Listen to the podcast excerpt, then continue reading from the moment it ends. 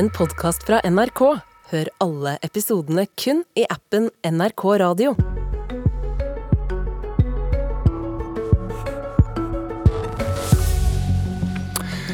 Sverige burde gi opp forsøket. Vi kommer ikke til å si ja til deres Nato-søknad så lenge de tillater koranbrenning, sa Erdogan i går. Vi bør vurdere om Tyrkia skal kastes ut av Nato, sier MDG. I dag er det Ukraina-debatt i Stortinget etter at statsministeren har holdt en redegjørelse om krigen. Russlands aggresjon har skremt Finland og Sverige til å søke medlemskap i Nato, men Tyrkia sier som kjent nei til svensk medlemskap. Karl Johansen, du er utenrikspolitisk talsmann i MDG. God morgen. God morgen. Hvorfor mener du Nato må vurdere om Tyrkia skal få beholde sitt medlemskap? Altså det, er jo, det er jo noe som vi allerede uh, var ute og sa i fjor vår, når det ble klart hvor, uh, hvor urimelig og farlig de her kravene fra Tyrkia og Erdogan uh, er. Det er en helt absurd situasjon vi står i, hvor, vi, hvor, diskusjonen går på om et fredelig, demokratisk land som Sverige skal få være med i Nato, mens vi ikke diskuterer hvorvidt Tyrkia, som blir stadig mer, stadig mer autoritært og stadig mer krigersk, er egnet som medlem. Eh, Nato-charteret sier at eh, medlemslandene skal jobbe for demokratiske verdier, altså menneskerettigheter, ytringsfrihet eh, og rettsstat. Og vi ser at Tyrkia går helt feil vei og har gjort det i mange år. Så det vi burde diskutere, er om Tyrkia er et egnet medlem av Nato, ikke om Sverige er det. Er det, mulig, er det mulig å kaste et land ut av Nato? Nå har jo ikke Nato-pakten en klausul for det, dessverre. Eh, det er jo på en måte en innebygd feil i, i, i traktaten.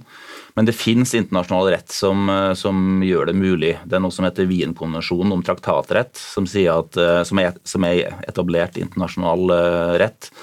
Som sier at ved grovt mislighold av en traktat, så kan et land ekskluderes.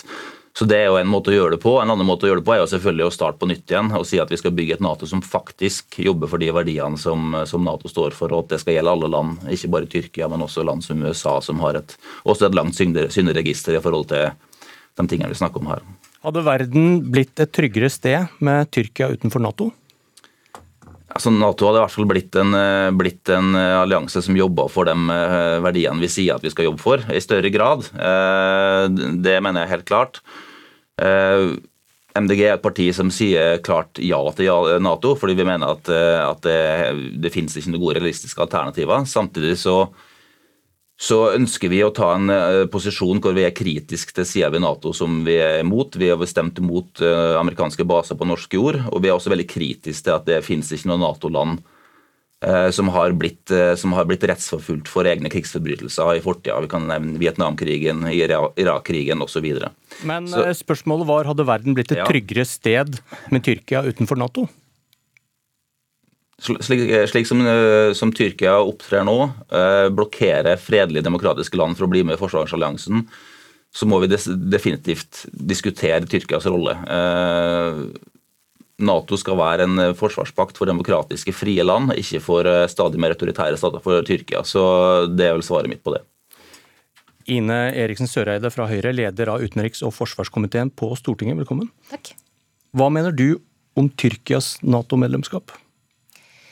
Tyrkia er Nato-medlem og skal forbli Nato-medlem. Den konflikten som har oppstått er nødt til å løses politisk og diplomatisk, sånn Nato tradisjonelt sett alltid har løst eh, sine kriser, som jo har dukka opp med jevne mellomrom siden Nato ble etablert i 1949. Og så har vi vært veldig tydelige på at Sverige nå har oppfylt vilkårene både for å bli medlem i Nato, altså Natos medlemsvilkår, sammen med Finland, men også oppfylt de avtalene som de har inngått med Tyrkia. Så nå må Tyrkia og Ungarn slippe Sverige og Finland inn. Men hva sier du til eh, MDGs tanker om at Tyrkia kanskje må ut av Nato? Jeg mener det ikke er en klok vurdering. Jeg mener det er eh, bedre at man har et eh, stort og militært sterkt Tyrkia på innsida av Nato. Det har vært vurderinga også hele veien. Og jeg, en ting er jo at Nato ikke har en eksklusjonsparagraf i seg sjøl, og sånn sett aldri har ekskludert et medlemsland heller, selv om det opp gjennom tidene jo har vært mange konflikter mellom land. Samtidig så er jeg jo undrende til den politiske vurderinga av at Nato i denne situasjonen skulle sette i gang en prosess både med å ekskludere et land og, som eh, Karl Johansen sier, bygge et helt nytt Nato i en situasjon hvor Europa er i krig, og vi skal bruke alle ressursene våre på å forsvare Nato og støtte Ukraina. Åsmund Aukrust fra Arbeiderpartiet, første nestleder i utenriks- og forsvarskomiteen. Hvordan vurderer du forslag om å kaste Tyrkia ut av Nato? Jeg syns jo MDG viser hvor urealistisk det er når svaret deres er at de kan starte et nytt Nato, og at de samme landene kan møtes igjen og lage en ny type organisasjon. Det er krig i Europa. Eh, jeg mener at det siste vi skal gjøre nå, er å splitte opp vår allianse. Det er tvert imot viktigere at vi viser nå samhold. Og heldigvis, noe av det positive gjennom denne krigen er jo at den eh, har samla Europa, den har samla Nato-land.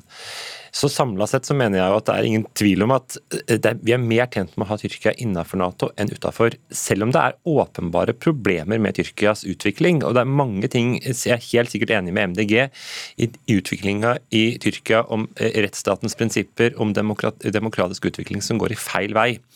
Men det er ikke det samme som å si at Tyrkia skal ut til Nato. Denne situasjonen med Sverige og Finland den må finne sin løsning, og det er Norges veldig klare forventning at det må skje veldig raskt. Johansen, her var det ikke mye støtte å hente. Nei. Men altså, nå, nå, sier jo ikke vi at Tyrkia skal kastes ut av Nato. Det, og vi, skal, vi, sier heller ikke at vi skal starte en, en eh, ny organisasjon, sånn som det blir på, påstått her. Jeg prøvde å svare på de spørsmålene i forhold til hvordan, man, hvordan det eventuelt kan gjøres. Det som, er, det som, vi ønsker, er en debatt om hva Nato skal være. Hva er det som skal være NATO sine grunnprinsipper? Hvordan skal de etterleves? Hva skjer hvis eh, land eh, åpenbart ikke er, opptrer i tråd med, med, med Nato-traktaten? Det er den debatten vi ønsker. Eh, så jeg synes det blir altfor lettvint, sånn som Arbeiderpartiet og Høyre gjør nå, late som at vi sier at vi skal, vi skal oppløse Nato i en, i en, midt i en krise. Det er absolutt ikke det vi sier. Men det her viser jo hvordan Erdogan og andre autoritære statsledere alltid vil prøve å bruke krisa til sin fordel. Eh, det her har jo Erdogan holdt på med helt siden krigen starta. Eh, og det her handler også om kan jeg jo legge til, det handler også om at Erdogan har lyst til å bli gjenvalgt eh, i valget til våren, som han er redd for å tape. Så Det handler også om på en måte diktatorens ABC for å skape en ytre fiende, for å, for å skape oppslutning hjemme. Mens, men mens han gjør det, så jobber han direkte for Putins interesser og direkte mot NATO sine interesser. og Det syns jeg er er egentlig litt overraskende at verken Arbeiderpartiet eller Høyre ønsker å ha en mer seriøs debatt om. Ja, for, for, for å gripe et av, et av poengene til, til, Johansen her, da. Hvis, hvis, et medlemsland blir et rent diktatur uten demokratiske valg, eh, hva gjør dere med et land som begår folkemord i ytterste konsekvens? Skal vi være alliert med det landet, Søreide?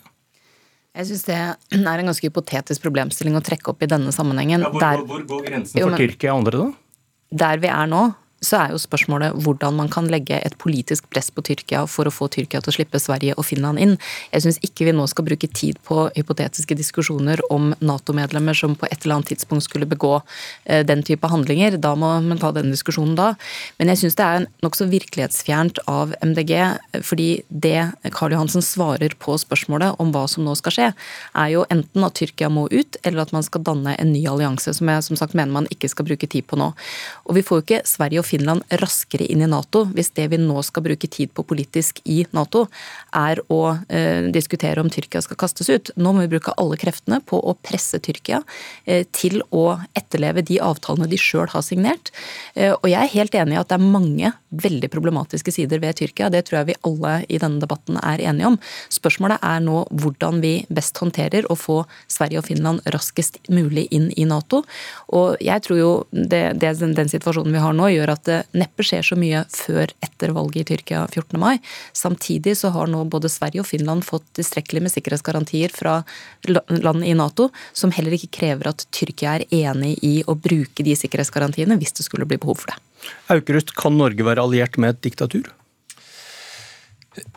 Altså, Nato har jo tidligere eh, klart å komme seg gjennom veldig trøblete tider. Vi overlevde Trump-årene. Eh, vi har også andre land som har utvikling som går i helt gal retning, eh, f.eks. i Ungarn. Og så er jo sannheten at Natos historie så har det også vært diktaturer med. Det var diktaturer... Så svaret ditt er ja, Norge nei, kan være alliert med et diktatur? Nei, vi har jo politisk motstand mot, mange, mot, mot diktatur i Portugal og Hellas når de var Nato-medlemmer. Men vi mener at det som er viktig nå, er å vise at vi har et samhold internt i alliansen. og at Det er jo den Nato-alliansen som nå Sverige og Finland ønsker å bli en del av, og som vi skal bruke vår tid på å støtte i ukene og månedene som kommer. Men svaret ditt er da ja, kan, Norge kan være alliert med diktatur? Jeg syns ikke vi skal bruke tida på eh, helt hypotetiske spørsmål i den situasjonen som vi er i akkurat nå.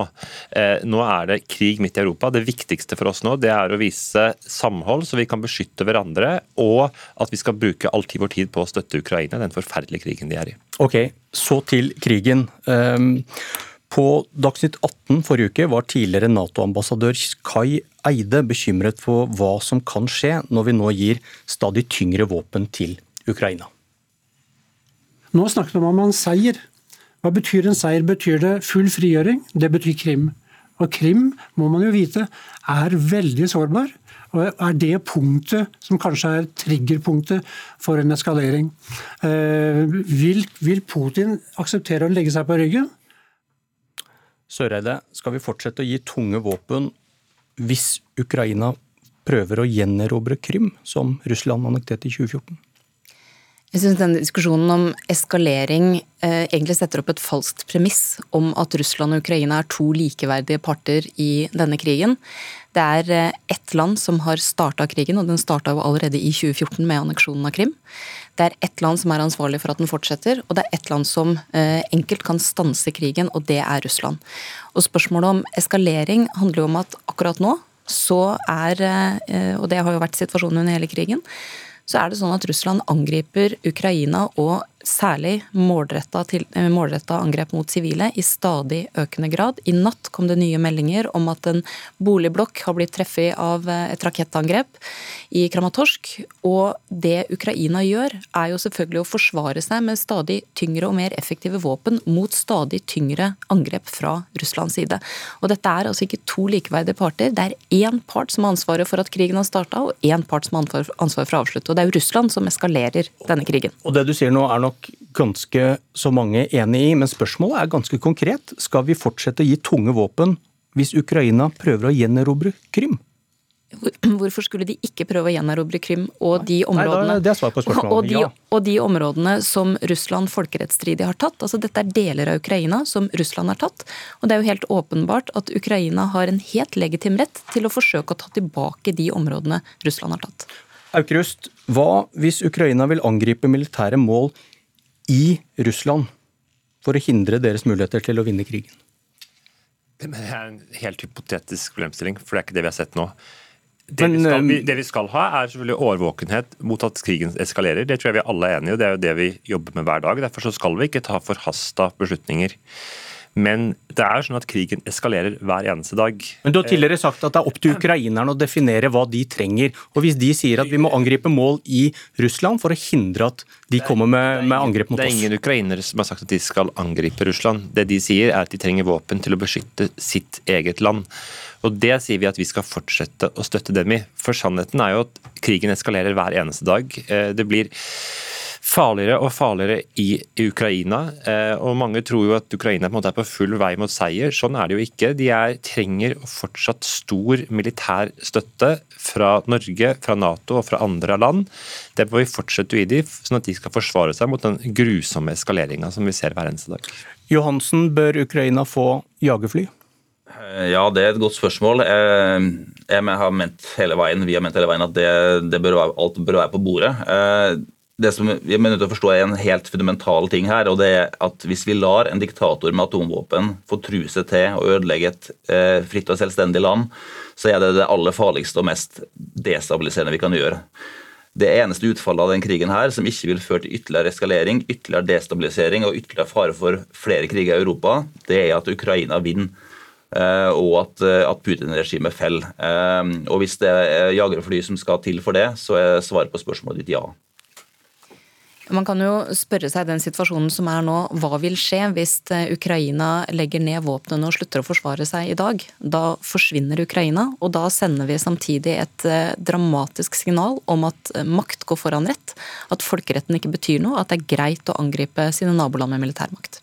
Takk Ine Eriksen Søreide, takk Åsmund Aukrust og i Molde Karl Johansen. Dette var Politisk kvarter. Jeg heter Bjørn Myklebust.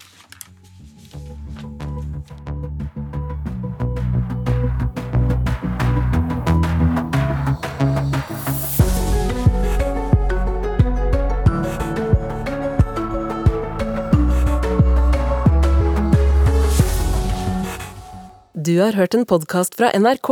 Hør alle episodene kun i appen NRK Radio.